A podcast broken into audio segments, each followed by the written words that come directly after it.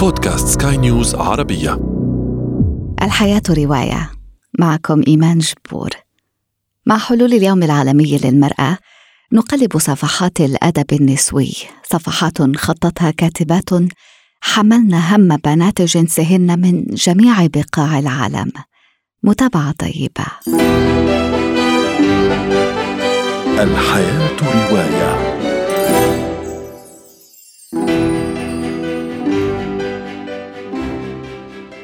الكرامة هي أن يكون لديك حلم حلم قوي يمنحك رؤية عالما لديك فيه مكان حيث ستغير مشاركتك مهما كانت صغيرة.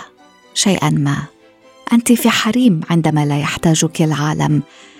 أنت في حريم عندما يدور الكوكب وأنت في أعماق الازدراء واللامبالاة. أقتبس كلمات الكاتبة وعالمة الاجتماع فاطمة المرنيسي في مستهل حديث الأدب النسوي. كم من حياة أنقذها الأدب. مثال ذلك أدب فيرجينيا وولف Room of One's Own غرفة تخص المرأة وحدها صدر عام 1929 مؤلف صغير مقال مطول بمثابة مانيفستو يستند إلى محاضرات ألقتها فيرجينيا وولف في مدارس للفتيات تابعة لجامعة كامبريدج. هذا المؤلف كان له وقع كبير على الدراسات النسوية ومكانة المرأة في الأدب. قدمت فيه فيرجينيا وولف شرحا وتشريحا للحواجز التي تحول بين المرأة والكتابة ولا سيما تلك المرتبطة بالزواج ورعاية الأطفال والأسرة التي لا تمنح المرأة المساحة والحرية الكافيتين للإبداع. وعلى هذا الأساس تحدد فيرجينيا وولف شرطين أساسيين يمكنان المرأة من الكتابة. أن يكون لديها غرفة مغلقة خاصة بها لتجنب أي شكل من أشكال الإزعاج إلى جانب دخل مادي. تقول فيرجينيا وولف إنه يتعين الآن على النساء وهن يمارسن الكتابة ألا يحاولن تكييف أنفسهن للمعايير الأدبية السائدة وهي معايير ذكورية في الغالب وإنما عليهن خلق معايير خاصة بهن ويتعين عليهن إعادة خلق اللغة. لكي تصبح أكثر مرونة وقابلية للاستخدام المرهف. قرابة قرن من الزمن مر على كتابة هذه السطور وما زالت تجد صدى قويا اليوم. أثبتت السنوات والعقود. ان فيرجينيا وولف كانت تتمتع برؤية مستقبلية ثاقبة.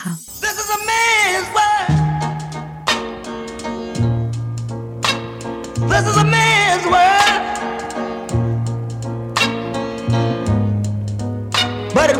nothing, nothing without a woman or a girl.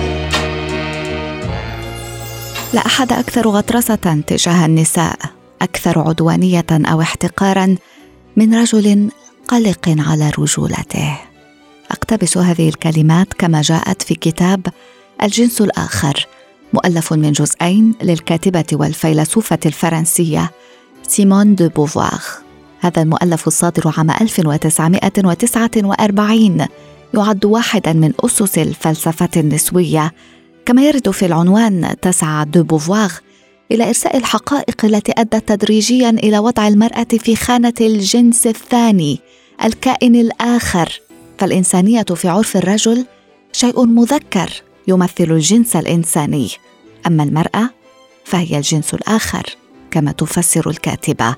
وعلى عكس ما قد يبدو للبعض هذا المؤلف لا يروم محاكمة الرجل بل يقدم تحليلا للمعطيات البيولوجية والنفسية والثقافية والتاريخية التي أدت تدريجيا إلى هذا الوضع غير المتوازن بين الرجال والنساء. تعتمد دو بوفوار سردا موسوعيا يستند على أمثلة قوية كما تمنح النساء إضاءة فكرية لتلمس طريقهن نحو التحرر من مفاهيم الدونية على اعتبار أن الأنثى تولد انسانا ثم تصير امرأة بعدما تدخل في القالب الذي أرساه لها مجتمع استولى على طبيعتها عبر التاريخ واختزلها في مجرد القدرة على الانجاب